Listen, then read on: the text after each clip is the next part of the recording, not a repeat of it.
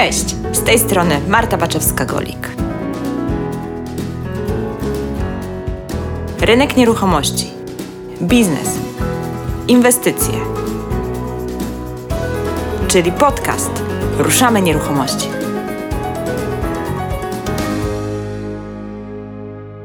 Nadchodzi wielki kryzys i pytanie brzmi, gdzie będziesz? Po której stronie będziesz, jak ten kryzys przyjdzie?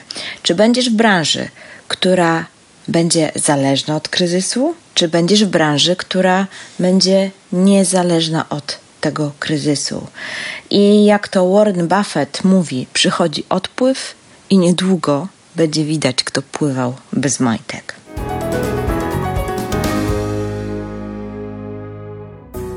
Nie lubię straszenia, ale myślę, że każdy zaczyna zauważać niepokojące nastroje na rynku. Wzrost stóp procentowych, inflacji, cen paliwa, energii i wiele, wiele innych składników gospodarki znacząco uległy zmianie. Odczuwamy to w naszych rachunkach domowych i w koszyku w supermarkecie. To wszystko jasno pokazuje, że zmiany rynkowe idą wielkimi krokami. No i teraz powstaje pytanie, jak odnaleźć się w tej nowej rzeczywistości biznesowej? W co inwestować? W jaką branżę? Od zawsze było tak, że kryzysy, jak wszystko inne na świecie, ma swoje takie dwa przeciwległe krańce, dwa bieguny. Pierwszy biegun to porażka, a drugi to zwycięstwo. Kryzysie jedni bankrutują, podczas gdy inni dorabiają się fortuny. No i pytanie brzmi, jak zdobyć ten zwycięski biegun kryzysu? Do rozmowy z cyklu Ruszamy Biznes zaprosiłam anioła biznesu Daniela Kubacha, inwestora, który obecnie ma pod swoimi skrzydłami ponad 20 różnych spółek. Zapytałam Daniela o takie dwie kluczowe kwestie. Po pierwsze, w jakim kierunku będzie szedł biznes teraz, w tych trudnych czasach, a po drugie, jakie cechy musi on mieć w sobie, aby takie osoby jak Daniel, aniołowie biznesu, chętnie w niego zainwestowali, poświęcili swój czas, swoją uwagę, no i oczywiście wyłożyli na niego kapitał. Przy okazji tej rozmowy poruszyliśmy bardzo dużo interesujących wątków związanych z biznesem, obecną sytuacją gospodarczo-polityczną, no i szeroko pojętą przedsiębiorczością. Zapraszam do wysłuchania całej rozmowy. Dzień dobry, witam bardzo serdecznie wszystkich słuchaczy podcastu Ruszamy Nieruchomości i dzisiaj kolejny odcinek z zakresu e, Ruszamy właściwie biznes, powinno, powinnam powiedzieć, bo moim gościem e, w moim podcastowym studiu dzisiaj jest sam Daniel Kubach, który jest aniołem biznesu i no, takim przedsiębiorcą przez duże P. Gdzieś, Daniel, wyczytałam na stronie Twojej w różnego rodzaju opiniach i wypowiedziach na Twój temat, że tak fajnie ktoś napisał, że ty jak nikt inny masz w sobie gen przedsiębiorczości.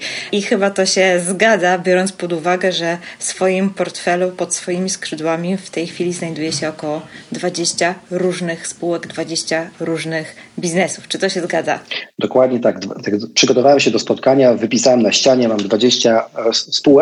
To nie znaczy, że jestem stuprocentowym udziałowcem, za to, że mam udział w 20 spółkach. Tak, no ale jesteś też ja y, aniołem biznesu, więc no, sama nazwa wskazuje, że tak jakby trzymasz e, w jakiś sposób pieczę, ochronę. Jeszcze dzisiaj sobie porozmawiamy o tych aniołach biznesów, co to w ogóle jest, kto to jest.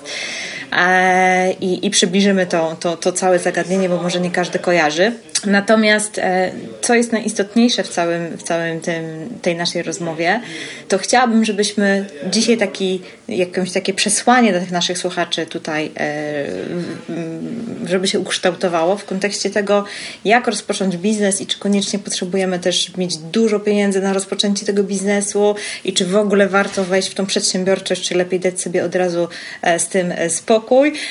Mam nadzieję, że takich wniosków nie dojdziemy. nie sądzę, biorąc pod uwagę e, Twoje doświadczenie biznesowe, no ale, ale będziemy w tym temacie mówić. Natomiast zanim zaczniemy, e, to jesteś również jeszcze autorem sporej ilości książek. Mógłbyś wymienić tytuły, bo już jest ich sześć aż. Jest to najnowsza, to jest akurat Sztuka Przedsiębiorczości, to jest najnowsza moja książka. To jest typowy właśnie taki poradnik e, dla przedsiębiorców, tak jakby wtedy czytelnik czuje, jakby rozmawiał bezpośrednio z mentorem. Jeżeli ktoś nie ma takiego mentora, no to książka właśnie rozwiązuje problem od A do Z, po kolei tłumaczy, jak zarabiać pieniądze, jak robić biznes, co takiego dokładnie robić. Także ją polecam przede wszystkim przedsiębiorcom, którzy mają mały staż do pięciu lat, do pięciu lat prowadzenia biznesu. E, mi się bardzo podoba podtytuł tej książki, jak robić biznes, bo dzisiaj będziemy o tym mówić, więc tak jak najbardziej. E, inne też są z zakresu właśnie przedsiębiorczości, jak to wygląda? Tak, tak, na przykład planowanie celów, tak, planowanie celów to jest moja pierwsza książka, którą od razu stała się poczwórnym bestsellerem. Ją kilka lat temu wydałem, chyba 9 albo 10 lat temu. Także już troszeczkę jest na rynku. Dlatego w tym roku będę wypuszczał unowocześnioną wersję realizacja celów, czyli krok dalej. Planowanie i realizacja celów. Wydałem też sztukę efektywności, czyli jak być efektywnym, czyli jak zarabiać więcej w tym samym czasie, jak zrobić więcej rzeczy w tym samym czasie, jak być więcej wolnego i tak dalej. To też jest książka wydana przez OnePress, jest, można znaleźć ją wszędzie w internecie. Ta książka też bardzo dobrze się sprzedaje. Wydałem też książkę tylko dla e, mojej firmy, dla współpracowników mojej firmy, typu jak właśnie robić biznes, ale w tej konkretnej firmie. Ja nie sprzedaję na zewnątrz, dlatego też nawet nie będę jej reklamował. I jestem też współautorem poradnika zdrowia. To znaczy zebrałem siedmiu ekspertów od zdrowia, ja zadawam im pytania, a oni odpowiedzi. W związku z tym, może być, czuję się współautorem, aczkolwiek odpowiedzi pochodzą od ekspertów, nie ode mnie. Ode mnie były pytania, bo szukałem czegoś takiego dla siebie, nie znalazłem, w związku z tym mówię, zadam pytanie ekspertom, zbiorę to w jednym miejscu, dam to copywriterowi i wydam z tego książkę. Jest to e, poradnik zdrowia Time for Health. A jeszcze jedna książka, jak odnieść, jak odnieść sukces. E, bardzo stara, już nie ma nakładu, w związku z tym już nie, nie do sprzedania. Myślę, że będę musiał zrobić chyba kolejne wydanie, bo ona najszybciej się rozeszła i też nie było akurat dużego nakładu. Rozumiem. Ale to jest bardzo, bardzo dobry sposób na, na poszerzanie wiedzy. Pamiętam, kiedy zaczynałam nagrywać swój podcast, to mniej więcej z podobnego założenia wyszłam, bo bardzo chciałam wejść w świat e, inwestorów e, i inwestowania w nieruchomości i stwierdziłam, że trzeba zacząć zadawać im pytania podcast po prostu był świetnym narzędziem do tego, więc nie wydałam w formie książki moich podcastów, ale metoda bardzo podobna, także gorąco polecam. E, Daniel, zanim, zanim zaczniemy, to chciałabym się Ciebie jeszcze podpytać, bo odniosłeś sukces w wielu branżach i mnie tak bardzo zastanawia, jak to możliwe, żeby po prostu w totalnie czasami różnych, skrajnych by się wydawało branżach można odnieść sukces, kiedy się na tych kon konkretnych przedsięwzięciach no nie znasz dokładnie na tej technologii, jakichś tam procedurach i tak dalej, i tak. Więc moje pytanie jest o takie Twoje spostrzeżenie, bo bo domyślam się, że w tym wszystkim gdzieś jest jakiś wspólny mianownik, jakiś taki uniwersalizm e, tego biznesu, więc chciałam się Ciebie podpytać, na czym polega właśnie ten taki uniwersalizm, że jesteś w stanie się pomimo różnych branż świetnie w tym odnaleźć, być aniołem takim no, biznesu, takim człowiekiem, który wspiera innych przedsiębiorców w tym całym procesie biznesowym, pomimo, że prawdopodobnie dokładnie się nie znasz na wszystkim, e, tak wiesz, od podszewki, byś miał być, to, być twórcą tych, tych, tych pomysłów biznesowych i produktów. Zdecydowanie. Ja myślę, że w moich firmach znam się najmniej, tak na, na, ale za to są osoby, które znają się dużo, dużo lepiej ode mnie. Ja znam się na wąskiej, jak może powiedzieć, w swojej dziedzinie, czyli widzę okazję, e, dostrzegam pewne trendy, które będą niedługo i szukam zapotrzebowania wśród klientów, szukam problemów i potem szukam, jak, jak ten problem zaspokoić, rozwiązać, czyli jak zaspokoić potrzebę klienta. Co do sukcesu, ja uważam, że jeszcze go nie odniosłem. Wszystkie najlepsze sukcesy myślę, że przede mną dopiero.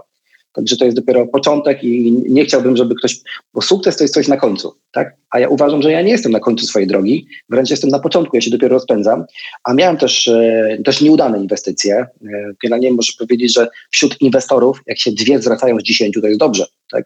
W związku z tym ja też mam na koncie nieudane inwestycje, nieudane przedsięwzięcia, nietrafione totalnie, czy nietrafioni ludzie, czy nietrafione firmy, nietrafiony rynek, nietrafiony czas. Także to jest, to oczywiście to są cenne lekcje, które wyciąga się e, z każdego, z każdego działania. Natomiast ja inwestuję w firmy usługowe, inwestuję w produkcję. W produkcji trzeba się naprawdę na tym znać, to jest kapitałochłonne, trzeba fabrykę wbudować, leasingi, koszty i tak dalej. Ja się specjalizuję w usługach. Co to znaczy? Czyli widzę na przykład problem, widzę i tworzę rozwiązanie problemu. Na przykład problem jest w Polsce dostęp do prywatnej służby zdrowia. Tak, to jest problem, tak? E, przepraszam, do państwowej, tak jest problem. A, pra, a prywatna jest droga. W związku z tym stworzyliśmy ze wspólnikami ofertę S7 Health, gdzie sprzedajemy pakiety medyczne dla firm małych, dużych i klientów indywidualnych i znaleźliśmy jedną potrzebę. To jest bardzo ważne. No polega ona na tym, że klientowi na czym najbardziej zależy, żeby szybko dostać się do lekarza. No i my zaspokajamy tą potrzebę. Szybko do lekarza załatwiamy pakiety medyczne, czyli szybko do lekarza jest w stanie dostać w ciągu 24 godzin do lekarza ogólnego, w ciągu 5 dni do specjalisty, gdzie na rynku te standardy są oczywiście dużo, dużo większe, czyli trzeba więcej czekać do tego lekarza, dłużej poczekać, trzeba się trochę nachodzić, być cierpliwym. A my rozwiązaliśmy tą potrzebę. Tak? I okazuje się, że to skutecznie. Podobnie na rynku usług prawnych. Okazuje się, że nie ma prawników od wszystkiego, a klient nie wie, do kogo się zgłosić swoim problemem, bo jeden się rozwodzi, czy jedna, a jeden powie, coś potrzebuje dla firmy, jeden potrzebuje zwykłą poradę, trzeci ma jakiś problem nie wiem, karny, tak?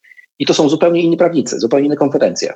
Nie ma prawników od wszystkiego, tak samo nie ma lekarzy od wszystkiego. No to zebrałem wszystkich, od wszystkich specjalizacji prawników, 250 na jednej platformie, lexnostop.com, gdzie klient może w każdym czasie do, mieć dostęp w ciągu, 24, w ciągu 24 godzin dokładnie do e, 250 prawników do, od wszystkich specjalizacji, żeby klientowi pomóc rozwiązać problem. I okazuje się, że to czyli jest problem, rozwiązanie. Wcześniej, kiedy stworzyłem Europejskie Centrum Odszkodowań, to były dwa duże problemy. Pierwszy problem był taki, że prawnicy brali pieniądze z góry za za to, że w ogóle klient do nich przyszedł, za poradę, za wszystkie takie rzeczy. A to były proste sprawy odszkodowawcze. W odszkodowaniach nie trzeba udowadniać, że ktoś jest winny, ktoś jest poszkodowany, bo policja mówi, notatka policyjna lub sąd. W związku z tym chodziło tylko o kwotę. Czyli ja założyłem dwie rzeczy. Pierwszą, prawnicy się nie mogą reklamować, ale agenci, handlowcy mogą docierać do klientów, dawać, klient, dawać prawnikom sprawy. Drugą rzeczą, żeby klient nie płacił z góry, tylko płacił za efekt. Więcej, ale za efekt. Jeżeli przegramy, trudno, jesteśmy kiepscy, nie zarabiamy nic. Czyli nie było ryzyka po stronie klienta, pełne ryzyko po stronie kancelarii. I te dwie rzeczy spowodowało to, że rozwiązaliśmy problem klientów. Zbudowałem armię 30 tysięcy handlowców w pięciu krajach, którzy wynaleźli 300 tysięcy klientów, tak, którzy, którzy dostali dzięki temu odszkodowania, dzięki temu dostali pieniądze, których w życiu by nie dostali, bo nawet po pierwsze nie wiedzieli, a po drugie nie stać było ich na prawników. I to było rozwiązanie problemu. I teraz takie problemy dalej szukam, tak, szukam, albo ludzie przychodzą do mnie z problemami i z rozwiązaniem. E, taką moją najnowszą inwestycją na przykład jest James Bot, tak? E, bot, który e, udaje człowieka i James Bot na przykład może z twojego Facebooka, Instagrama czy Telegrama nawiązywać relacje, budować relacje z ludźmi. Mało tego, może robić miękką sprzedaż, może wygenerować ci w 3 godziny tysiąc potencjalnych lidów do klientów, które potem ty musisz dopiąć. Na przykład za 50 dolarów miesięcznie. Czy umówmy się, że gdybyś zatrudniła agencję reklamową, to za taką usługę zapłaciłabyś około kilku tysięcy złotych, plus kampanię, wydałaby jeszcze na Facebooka na kampanie, które by to trwały. A ja mówię o 50 dolarach i jakbyś miała trzech marketerów, każdy po 8 godzin pracował ci 24H, mało możesz stawić to na wielu językach, na wiele krajów. I bot nie śpi, nie ma chorobowego, nie płacisz mu ZUS-u, nie płacisz za niego podatków, po prostu masz go abonamencie za 50 dolarów, a taki full, full opcja 200 dolarów miesięcznie. I to, jest, to się przekuwa na wynik finansowy, czy na zdobywanie klientów. Czyli kli teraz jest problem. 90% firm, ich sprzedawców, marketerów zajmuje się z szuklaniem lidów. 90% czasu myślą, skąd ja wezmę klientów. Dopięcie jest już może prostsze. Jak już masz do kogo zadzwonić, masz do kogo napisać, no to już jest łatwiej, tak? Statystyka już potem zrobi swoje. Część powie tak, część powie nie, ale już masz z kim pracować. A jak nie ma z kim pracować, no to kicha, nie? W związku z tym na początku przetestowałem to na swojej firmie. Okazało się, że działa. W związku z tym teraz to sprzedajemy dalej. Tak, ja w tej firmie jestem tylko inwestorem, nie jestem ani prezesem, jestem mniejszościowym udziałowcem. Także są takie projekty, jak, że wchodzę jako mniejszościowy udziałowiec i wspieram bardziej know-how, daję moich prawników jako anioł biznesu, czyli prawników, moje know-how, dbam, żeby nie popełnili błędów, tak, zabezpieczam wszystkie tyły, e, daję moich księgowych, e, często moje biura, tak, czyli mój zespół i możesz powiedzieć też moje kontakty, czyli na przykład otwieram takie drzwi, które na przykład taki przedsiębiorca nigdy by wcześniej nie otworzył albo musiałby zająć mu dużo czasu. I jestem mentorem dla takich osób, czyli one robią szybciej postępy, uczą się, niż by te błędy popełniali samemu. Na przykład, tak ja pracuję w biznesie już 23 lata, słuchajcie, 20, ale to brzmi w ogóle, 23 lata. W związku z tym to, to brzmi już poważnie i ja się swoim doświadczeniem 23-letnim dzielę z tymi przedsiębiorcami, którzy mają mniejsze doświadczenie. Czasami są będą starsi, ale są w biznesie krócej. Ja też się uczę od ludzi młodszych od siebie, chociażby na przykład u coinach, którzy są ode mnie 15 lat młodsi, ale są kilka lat w biznesie coinowym, A ja może powiedzieć, uczę się od takich ludzi. Często uczę się od ludzi młodszych od siebie, ale mają, mających większe doświadczenie w danej branży. Tak jak teraz na przykład się uczę nieruchomości. A propos nieruchomości. O, Super. No tak dobrze się tutaj akurat złożyło. Ale wiesz co, tak słucham sobie ciebie, e, jak mówisz o tych problemach i rozwiązaniach i mam wrażenie, że właśnie nam się tutaj narysował sposób na to, jak znaleźć pomysł na biznes. E, I wrócimy do tego jeszcze, ale chciałam Ci jeszcze zadać pytanie, które z reguły zadaję na samym początku, ale żeśmy się tutaj troszeczkę e, poszliśmy w innym kierunku. Ale chciałam się Cię zapytać o jakiś fajny, ciekawy news branżowy, który ostatnio tak szczególnie przykuć Twoją uwagę? To jest takie pytanie z reguły moje rozgrzewkowe. News branżowe, ale, to, ale teraz pytanie, a z jakiej branży? Taki biznesowy, jakikolwiek. Coś, co Ci po prostu coś ci to, co wpadło, że tak powiem, tak w głowę i, i, i, i po prostu uważasz, że powinniśmy to wiedzieć. My przedsiębiorcy mam na myśli. Mhm, ja zawsze patrzę na takie pewne papierki lakmusowe. Na przykład nieruchomości są papierkiem lakmusowym gospodarki. Dlaczego? Bo jak ludzie kupują mieszkania, to potem kupują telewizory, potem kupują dywany, kupują meble, kupują sprzęty kuchenne tak, i tak dalej. Czyli to pobudza bardzo mocno gospodarkę. I teraz wyobraźmy sobie, że w pierwszym kwartale sprzedaż nieruchomości spadła drastycznie w Polsce i ceny wzrosły i mniej zaczęło się budować.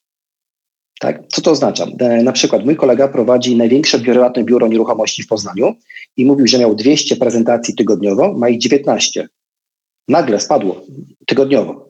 Co, co to oznacza? Grudzień zawsze jest, jest święta, dlatego często ciężko go brać pod uwagę, tak? no ale tak, to spadało. Co to znaczy? Że idzie duży kryzys.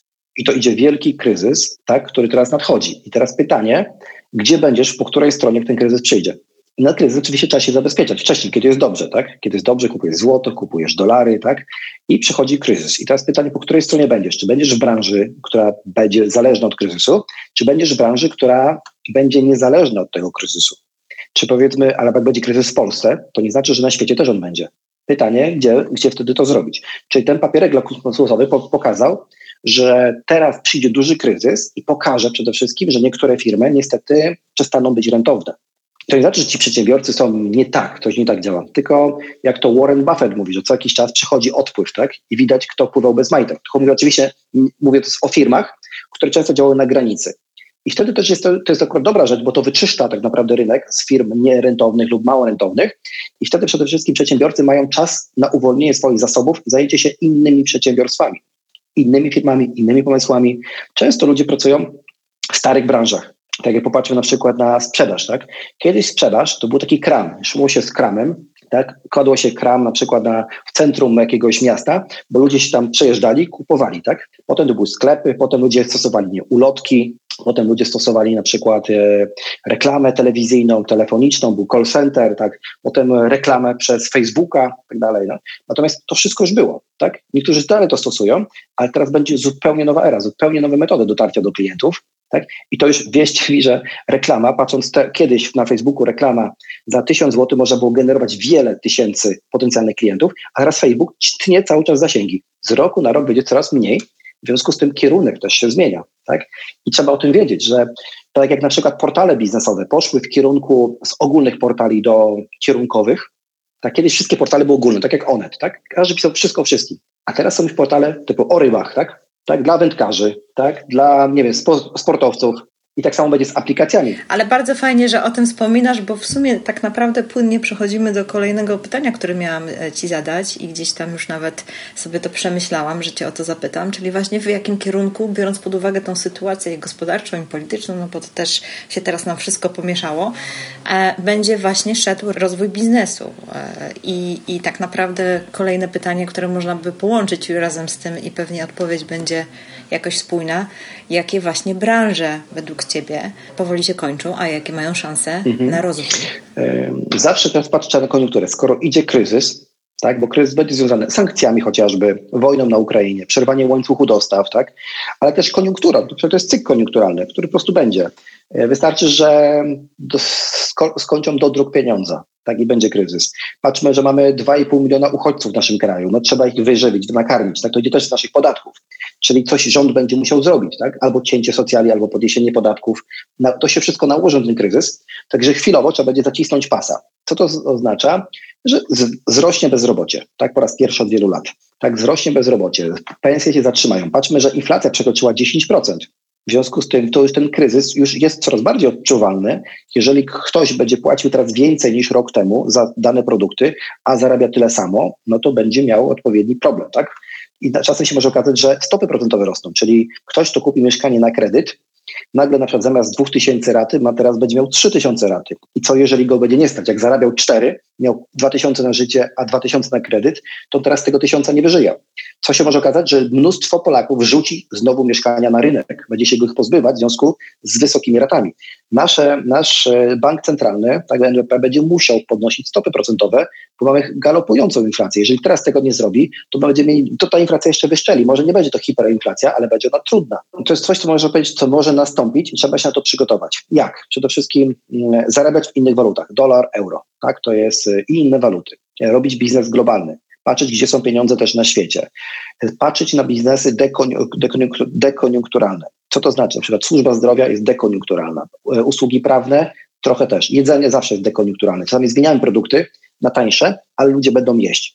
Co się okazuje, na przykład kino jest, jest tanim substytutem rozrywki, rozrywki, jest rozrywką tańszą, tylko na przykład wyjście do drogiej restauracji kontra kino, kino jest tańsze. Ludzie będą wybierali kino, kontra droższe rozrywki. Bo kiedy jest mniej pieniędzy, to ludzie zaciskają pasa i zobaczmy, że odkąd wybuchła wojna w Ukrainie, firmy mniej kupują. Zobaczmy, są branże, które notują nawet kilkudziesięcioprocentowe spadki w sprzedaży. To się jeszcze nie przełożyło na gospodarkę, ale one się po prostu przełoży w najbliższym czasie. E, to, co może się pojawić, tak ja się tego obawiam, że mnóstwo mieszkań trafi na rynek tych ludzi, którzy nie będą stać na spłatę kredytów, którzy kupili mieszkania po to, żeby je wynajmować komuś. Tak? Teraz fajnie, że najmy wzrosły, bo Ukraińcy przyjechali, czyli to, to, to dobrze, bo to zahamowało. To jest pozytywne synom, czyli nie będzie takich, mam nadzieję, że drastycznych spadków, ale co jeżeli te stopy procentowe będą jeszcze większe, a najemcy nie będą chcieli zapłacić, nie będzie ich stać na to, bo będzie rosło bezrobocie. I co wtedy?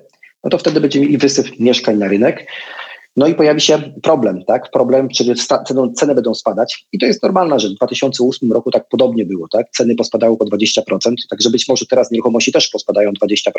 Mówię oczywiście o polskim rynku, ale to, co to oznacza? Będą okazje do kupienia. I teraz popatrzmy, że to nie jest zła informacja. To jest, jeżeli jesteś, te, jesteś w miejscu, gdzie czekasz na kryzys i chcesz kupić, to jesteś w dobrej sytuacji, tak? bo czekamy na to. Ale tutaj możesz być trochę tak, zadać pytanie, co według mnie. To ja tak mówię, według mnie, ale nie jestem wróżką i to, na, to nie jest powiedziane, że na 100% będzie. To jest moja subiektywna e, ocena i proszę nie traktować to jako rekomendację inwestycyjną, tylko samemu przemyśleć, w co należy inwestować. Są branże, na przykład, które są dekoniunkturalne. Proponowałbym też branże międzynarodowe, czyli jeżeli coś inwestujesz, to zainwestuj międzynarodowo. Na przykład nieruchomości, popatrz na to, gdzie jest taniej niż w Polsce. Polska jesteśmy teraz o 30% wyżej niż w szczycie 2008 roku. Tak, 30% jeszcze mamy wyżej, tak? Ale są kraje, gdzie na przykład jest 30% poniżej szczytów, tak? I w związku z tym szansa, że tam wzrośnie i przebije szczyt jest olbrzymia, tak? Szansa, że w Polsce jeszcze wzrośnie, być może trochę, ale szansa, że, że spadnie potem, jest też olbrzymia. Tak, to jest, to jest, coś tam się może wydarzyć. Nie? Także warto szukać też, szukałbym, rozdzielałbym ryzyko na wiele innych krajów. Patrzmy na przykład, jeżeli ktoś ma portfel nieruchomości, załóżmy, że w Warszawie jest teraz zadowolony, ok. Wcześniej ktoś miał portfel nieruchomości w Kijowie. Ile one są teraz warte? Jeszcze dwa miesiące temu nikt się nie spodziewał wojny, trzy miesiące temu podobnie tak? Znaczy nikt. Są osoby, które wiedziały, że to wojna będzie, są osoby, które przepuszczały, ale większość mówiła, że wojna w tych czasach nigdy nie nastąpi. To samo mówiono przed pierwszą wojną światową, przed drugą wojną światową, że, że wojny już nigdy nie będzie, bo się nie opłaca.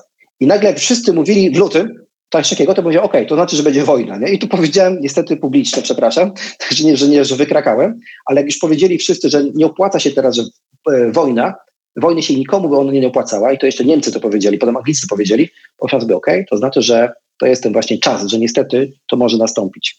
Tak, w kontekście tej wojny i tego, że zdziwienia, że ona wybuchła i że nikt nie wierzył, że wybuchnie, myśmy nie wierzyli, bo blisko, bo jesteśmy przyzwyczajeni od lat do pokoju i w ogóle tam się tutaj wszystkim dobrze żyje, ale prawda jest taka, że wojny cały czas trwają na świecie i one zawsze były, będą i są. Tylko nigdy nie, od dłuższego czasu nie było blisko naszych granic, a teraz się pojawiła blisko naszej granicy.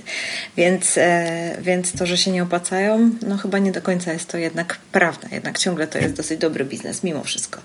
E, wojenny, tak sobie myślę. Aczkolwiek e, chyba nie, rekom- e, nie rekomendujemy wchodzenia z pomysłami e, na biznes związanymi z wojną. Natomiast chciałam się Cię zapytać, a co z nowymi pomysłami na biznes? Prawdopodobnie jest tak, że jest mnóstwo ludzi, którzy, tak jak mówisz, nie spodziewali się tej sytuacji, która, się, która wynikła. Gdzieś tam planowali jakieś różnego rodzaju przedsięwzięcia i być może są teraz w jakimś takim delikatnym rozkroku.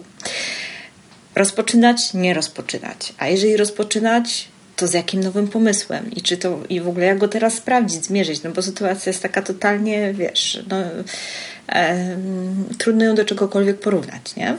Mhm. Żeby mieć jakieś odniesienie. Kiedyś czytałem takie dwie dobre książki, wizjonerskie, wizjonerskie organizacje, a druga od dobrego do wielkiego. Tak? E, co się okazuje? W tych książkach było przedstawione to, że największe firmy, najbardziej trwałe, powstawały w czasach kryzysu. W związku z tym jest to dobry czas na rozpoczęcie działalności. Jeżeli będzie kryzys, tak, jeżeli on nadejdzie, to będzie tańsza siła robocza, czyli tańszy, łatwiej będzie pozyskać dobrych pracowników. E, dużo firm będzie niestety zwalniać, w związku z tym będzie może kogoś zatrudnić. Dużo firm nie będzie wytrzymywało z konkurencją, w związku z tym trzeba będzie się dostosować do tego rynku. Jeżeli ktoś założy firmę i przetrwa w kryzysie i będzie prosperita, to je po prostu ten biznes y, jest szansa, że wyszczeli. Tak dużo większa niż bym startował, kiedy są dobre czasy. Bo kiedy są dobre czasy, zaczynasz biznes, ustalasz sobie jakąś tam marżę, biznes ci idzie, rośnie powoli, tak, a ty zarabiasz. Kiedy przychodzi kryzys, okazuje się, że nagle lądujesz pod kreską, bo masz wysokie koszty, bo było dobrze, to brałeś leasingi, kredyty i tak dalej, a nagle się to kończy. A kiedy jest źle w gospodarce, to kredytu nie dostaniesz, leasingu nie dostaniesz, tak? Musisz sobie operować, jakoś tak manewrować własnymi środkami, żeby, ta, żeby tą firmę zbudować. Ona jest wtedy bardziej trwała, dużo oczywiście większa. A jakie branże? No ja polecam przede wszystkim tak. Pierwsza rzecz, nie patrz na Polskę, patrz na świat globalny. Polska to jest tylko 0,5% PKB światowego. 99,5% pieniędzy jest poza Polską. W związku z tym skup się na rynku zagranicznym. Oczywiście, jeżeli nie umiesz robić biznesu globalnego, to oczywiście możesz się nauczyć. Zacznij od Polski, ale myśl o tym, jak wyjść za granicę. Czyli albo od razu tworzysz firmę, twórz ją globalnie.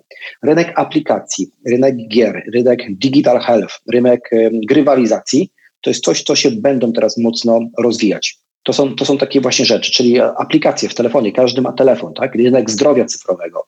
To są właśnie takie branże. Rynek e, zautomatyzowanej sprzedaży będzie się rozwijać. Rynek aplikacji ukierunkowanych tak, na konkretny sektor. Na przykład aplikacja dla przedsiębiorców, tak? Tylko, tak? Nie dla wszystkich, dla przedsiębiorców będzie miała większą szansę niż kolejna aplikacja dla wszystkich, czy aplikacja dla konkretnej grupy zawodowej. E, I tu, w tym kierunku będzie, rynek będzie szedł w kierunku specjalizacji i globalizacji. Zobaczmy, że dzięki pandemii, tak, dzięki pandemii, e, pandemia zmieniła wszystko. Już dwa lata temu zapowiadałem, że to będzie game changer dla tych, którzy się potrafią dostosować i niestety koniec tych, którzy się nie potrafią dostosować. Okazuje się, że nie trzeba spotykać się w studio, tylko robimy spotkanie, jak widzisz, online. Większość spotkań jesteśmy w stanie robić online, czyli szybciej, taniej i tak dalej. Wczoraj rozmawiałem akurat z e, wspólnikami z jednej mojej firmy.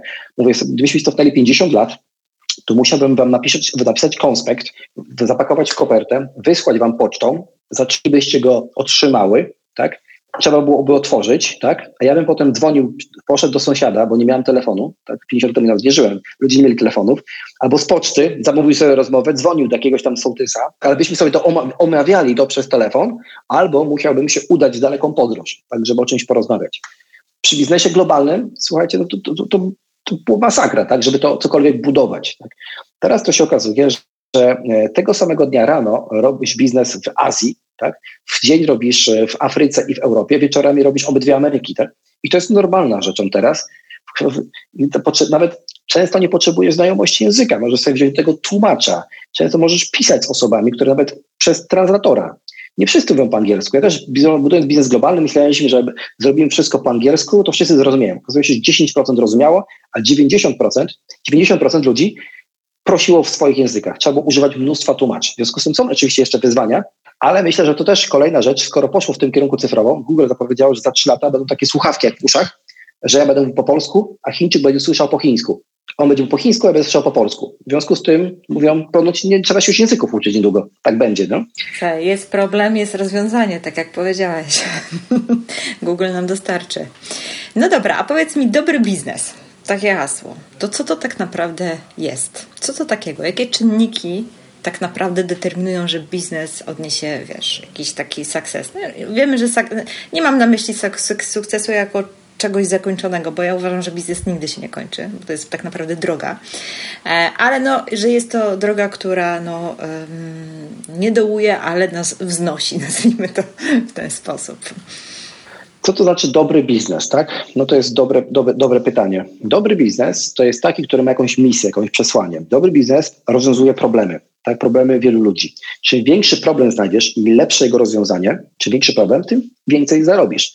Gdy jeżeli znajdziesz problem jednej osoby, to zrobisz to na jednej osobie, tak? Sprzedając jednej osobie. Jeżeli znajdziesz problem miliardów ludzi na świecie, to jesteś w stanie zarabiać na wielkim globalnym rynku. Ryba rośnie wielkości akwarium, czyli jak masz małe akwarium, mały rynek, to ciężko, żeby ryba urosła większa.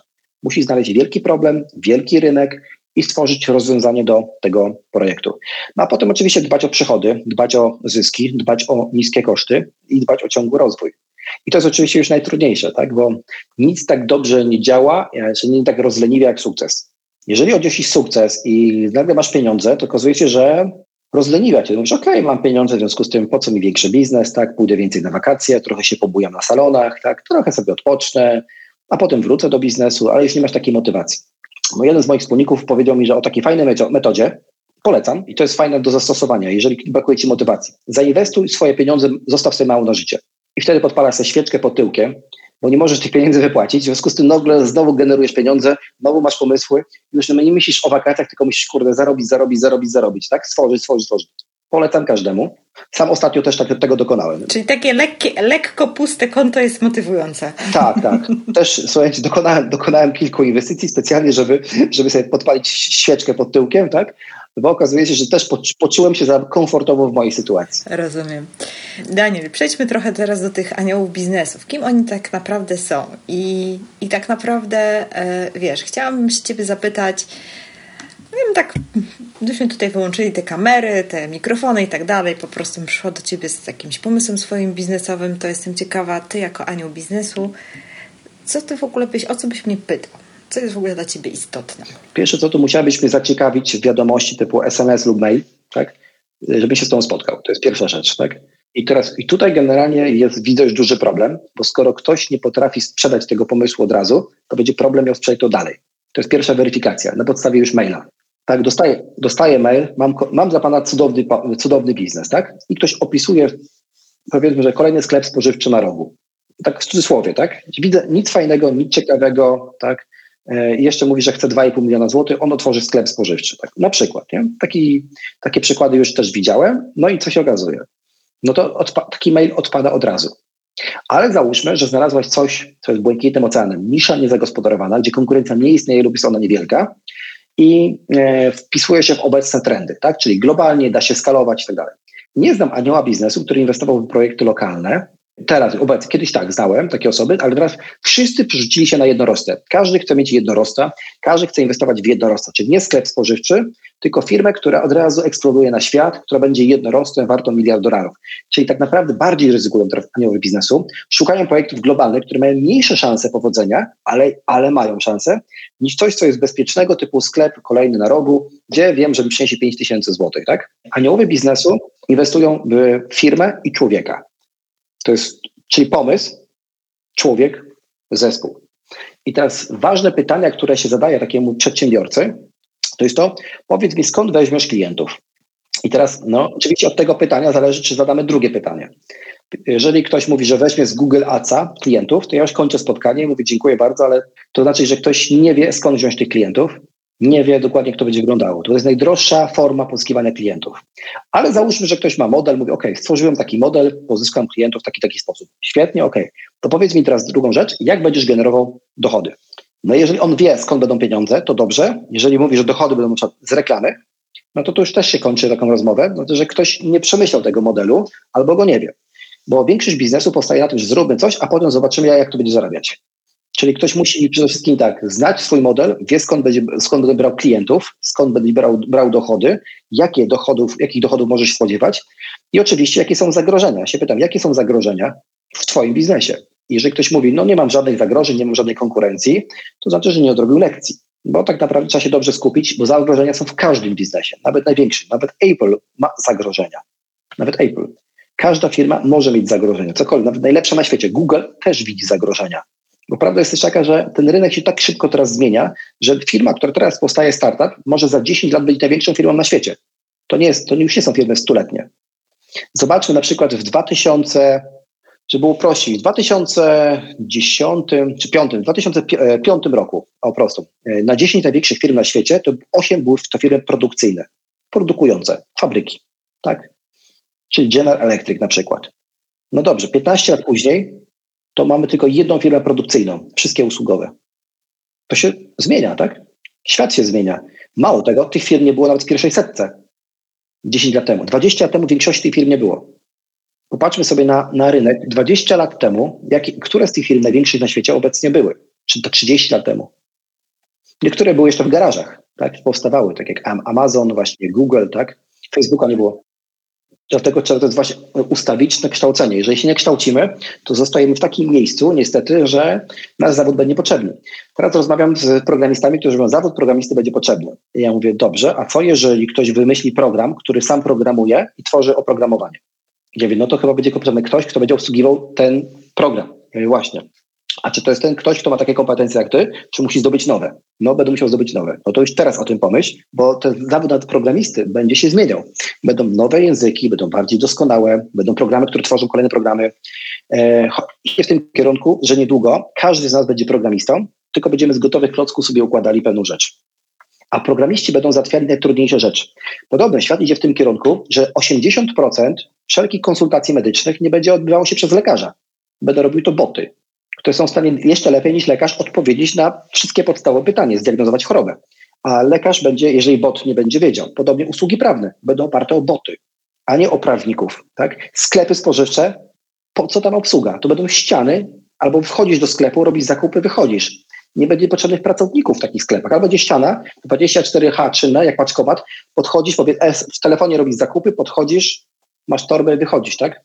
Tu będzie przyszłość, nie? że e, zobacz, kierowców nie będzie. Zobaczmy, że samochód, przekonasz się za kilka lat, samochód nie będzie produktem, będzie usługą. Nie będzie się opłacało posiadać samochodu, bo okazuje się, że średnio Polak jeździ, 30, jeździ pół godziny w ciągu dnia samochodem. 23,5 godziny samochód stoi i traci na wartości i musisz płacić ubezpieczenie i musisz go kupić, tak? Jeżeli będziesz potrzebował samochód, wciśniesz guzik w telefonie, samochód przyjedzie, zawiezie na miejsce i odwiezie, a potem będzie woził inne osoby. I teraz pytanie, czy marka samochodu będzie miała znaczenie? I z tym muszą sobie poradzić największe marki. Uwaga, teraz kolejna rzecz. Mieszkanie za jakiś czas będzie usługą, nie produktem. Podobnie. Za jakiś czas mieszkanie będą, będzie to usługa. Będziesz mieszkał gdzie chcesz, będzie, będziemy żyli mobilnie, będziemy się zmieniać, powiesz tydzień w Warszawie, tydzień w Norwegii, tydzień w Stanach, tydzień w Australii, tak? Czy dwa tygodnie po miesiącu, tak? Tam, gdzie będziesz miał kontrakty, gdzie będziesz miał klientów, będziesz się przemieszczała. Mieszkanie będziesz miał w telefonie, będziesz wchodziła w telefonie, ok, mieszkanie w Australii, proszę, załatw. Załatwiasz i jesteś.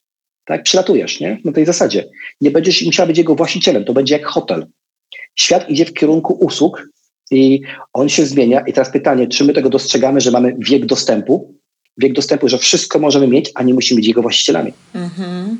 Już poniekąd wiele rzeczy jest tak naprawdę w ten sposób dostępnych. I te samochody, i te mieszkania są kraje, w których w ogóle już, no Niemcy w ogóle praktycznie nie kupują na własność nieruchomości. A także to wszystko już idzie w tym kierunku. 80% Amerykanów nie posiada mieszkań. A wiesz, ile w Bangladeszu, w Bangladeszu, ilu mieszkańców posiada swoje mieszkanie? Nie mam pojęcia.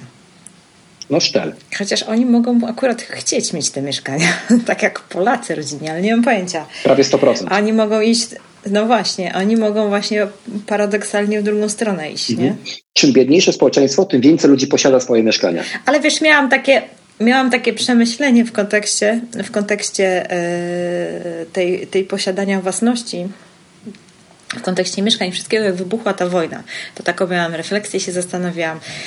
Pamiętam nasze, nasze, nasze babcie, no wiadomo, posiadali domy jakieś rodzinne i tak dalej, no bo to jeszcze były małe gospodarstwa i tak dalej, więc tam jakieś ogródki i tak dalej, ale te domy generalnie nie były jakieś szczególne. Ale każda babcia posiadała porządną szkatułkę biżuterii, nie? I teraz sobie tak myślę, a co my w domach posiadamy na dzień dzisiejszy, nie? Przecież to wszystko plastik fantastic mhm. e, i tak naprawdę nie mamy żadnych wartościowych rzeczy. I jakby faktycznie przyszło uciekać z tym dobytkiem, to właściwie co my mamy do zabrania? Jakieś plastikowe korale? To prawda. Nie? tak, tak, ale to też jest dobrze, bo ludzie już nie posiadają w domach wartościowych rzeczy no ktoś no to przyjdzie i to powie, telewizor, który kosztuje 500 zł teraz używany, tak? Czy, także złodziej teraz w domu nie ma czego szukać. No, dokładnie. Nawet, no widzisz, nawet zawód złodzieja się zmienia, ale teraz za to inaczej kradną. Przez telefon i, i, i oszukują ludzi tam, no, banki ciągle wysyłają zawiadomienia, że, że oszuści wchodzą, więc oni się też rozwijają. Bardzo. No dobra, słuchaj, już trochę myślę, że nam powiedziałeś, ale jakbyśmy mieli tak podsumować, to powiedz mi proszę, jak myślą inwestorzy, jak myślą właśnie aniołowy biznes, biznesu, co jest takie dla nich właśnie kluczowe do podjęcia decyzji na tak? Mniej więcej to, co powiedziałem wcześniej, ale podsumuję, czyli czy ten człowiek, którego inwestuje jest ok, czyli chce w niego zainwestować, czy ma zespół, czy jest samemu, tak? E, druga rzecz, czy ten człowiek też inwestuje swoje pieniądze. Przykład, mój kolega zainwestował w świetnego programistę z niesamowitym pomysłem, projektem, no, pff, zmieniającym wszystko, taki game changer. Po sześciu miesiącach, kiedy mój kolega wyłożył pieniądze, programista nie wyłożył pieniądze, zadzwonił do mojego kolegi, do inwestora, powiedział, słuchaj, rzucam robotę, wjeżdżam do Anglii. A ten mówi, jak robotę? Jesteśmy wspólnikami. Sorry, ale dostałem dobrą ofertę. ja mówię do niego, chłopie, gdybyś wziął od człowieka, nie wiem, 10 tysięcy, 20, chociażby jako wspólnik dołożył się do tego biznesu, to by się zastanowił trzy razy, czy on chce jechać do Anglii, bo tu też zainwestował pieniądze, ale on nie jest związany z tą firmą. on po prostu traktował to jako pracę, tak? Przyszedł z pomysłem, ty wyłożyłeś pieniądze, ty straciłeś pieniądze i teraz mówisz, a teraz sobie rób co chcesz z tym, co on zrobił, z niedokończonym kodem. Czyli też, czy ktoś wykłada swoje pieniądze, tak? W taki, taki biznes. Kolejną rzeczą tutaj, czy to jest globalne, czy ten produkt da się skalować na świat. Czy to jest coś, co jest takim game changer, coś, co zmieni świat? Jeżeli tak, to dobrze. Czy to jest pozytywne?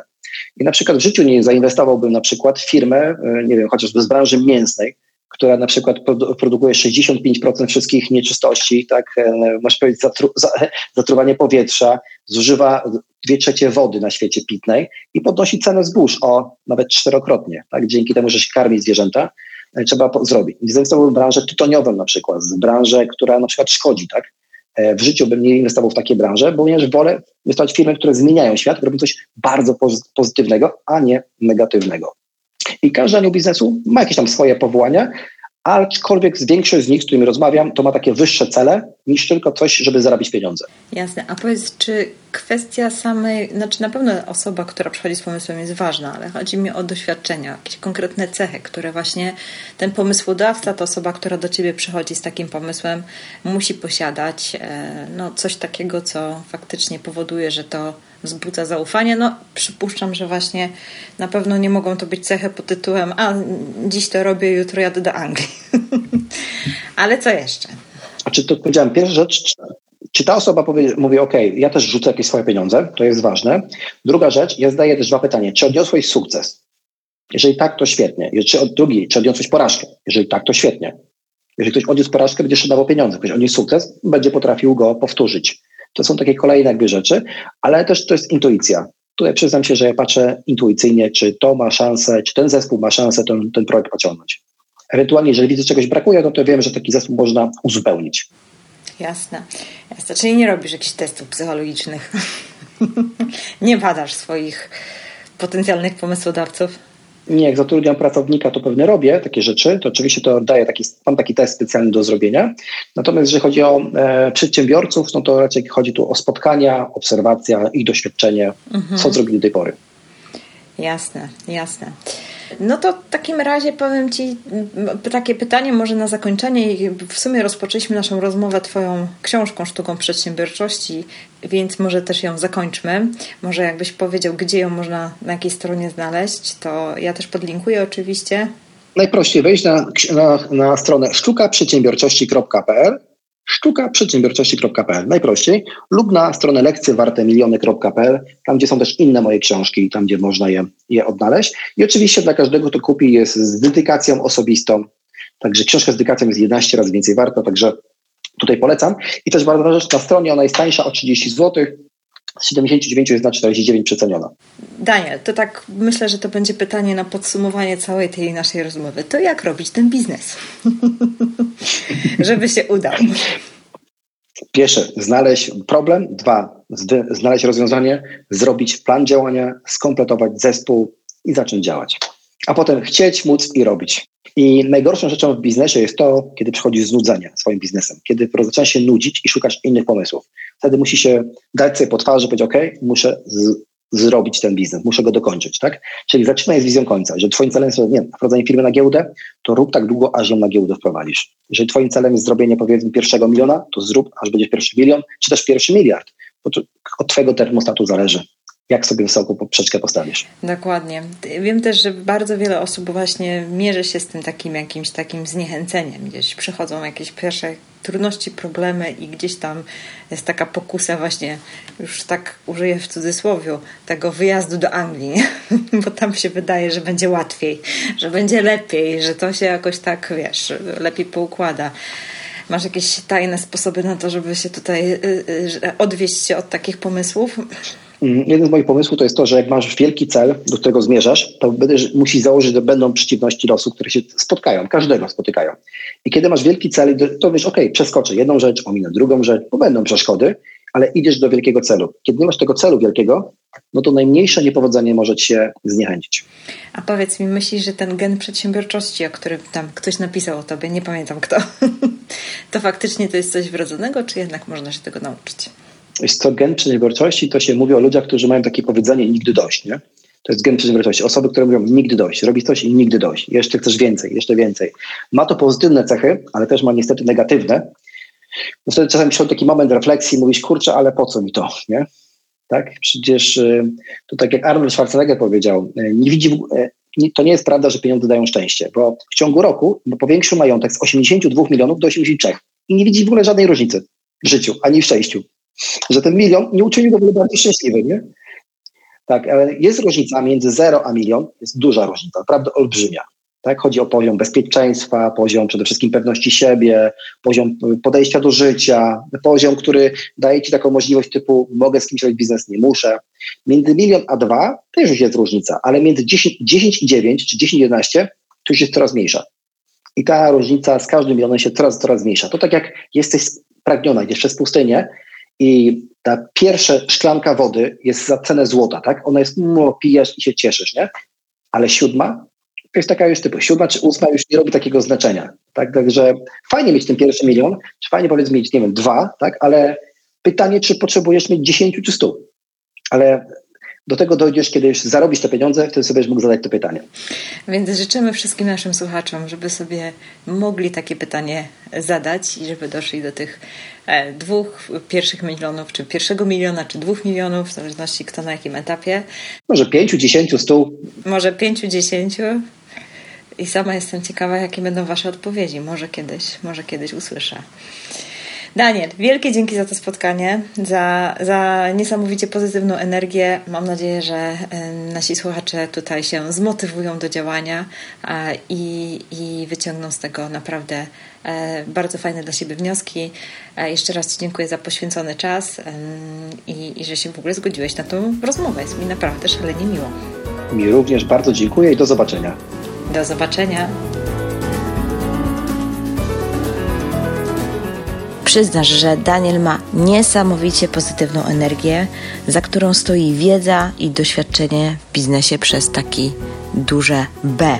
Jeżeli myślisz o zakupie książki Daniela, wejdź koniecznie na stronę www.sztukaprzedsiębiorczości.pl i to na pewno będzie dobra inwestycja. Dostaniesz tą książkę na tej stronie w najlepszej z możliwych cen, także zachęcam.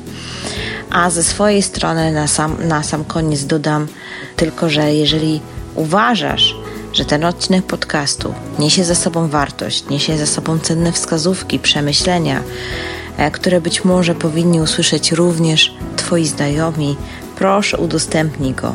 Podeślij link, napisz post na swoim Facebooku, tak aby Twoi znajomi mogli zobaczyć, że taki odcinek powstał i taka rozmowa została nagrana. Jestem też bardzo, ale to bardzo, ale to bardzo ciekawa Twoich spostrzeżeń z rynku, Twoich obserwacji z branży, w której działasz obecnie i zastanawiam się, czy odczuwasz już te zmiany. Być może jakiś drobny spadek sprzedaży, a może wzrost. Ja u siebie w biurze zauważam no, mniejsze zainteresowanie, zdecydowanie mniej prezentacji. Więc y, jestem ciekawa, jak u Ciebie Podziel się tymi swoimi przemyśleniami, obserwacjami z rynku w komentarzu pod tym odcinkiem. No, najlepiej na stronie e, podcastu, a jeżeli nie na, nie na stronie podcastu, to gdzieś na Facebooku, tam gdzie znajdziesz link do tego odcinka. Bardzo chętnie gdzieś w otwartej dyskusji z Tobą porozmawiam na ten temat, bo jest to coś, co mnie też szczególnie interesuje. A tymczasem życzę Ci naprawdę wspaniałego dnia i do usłyszenia niebawem.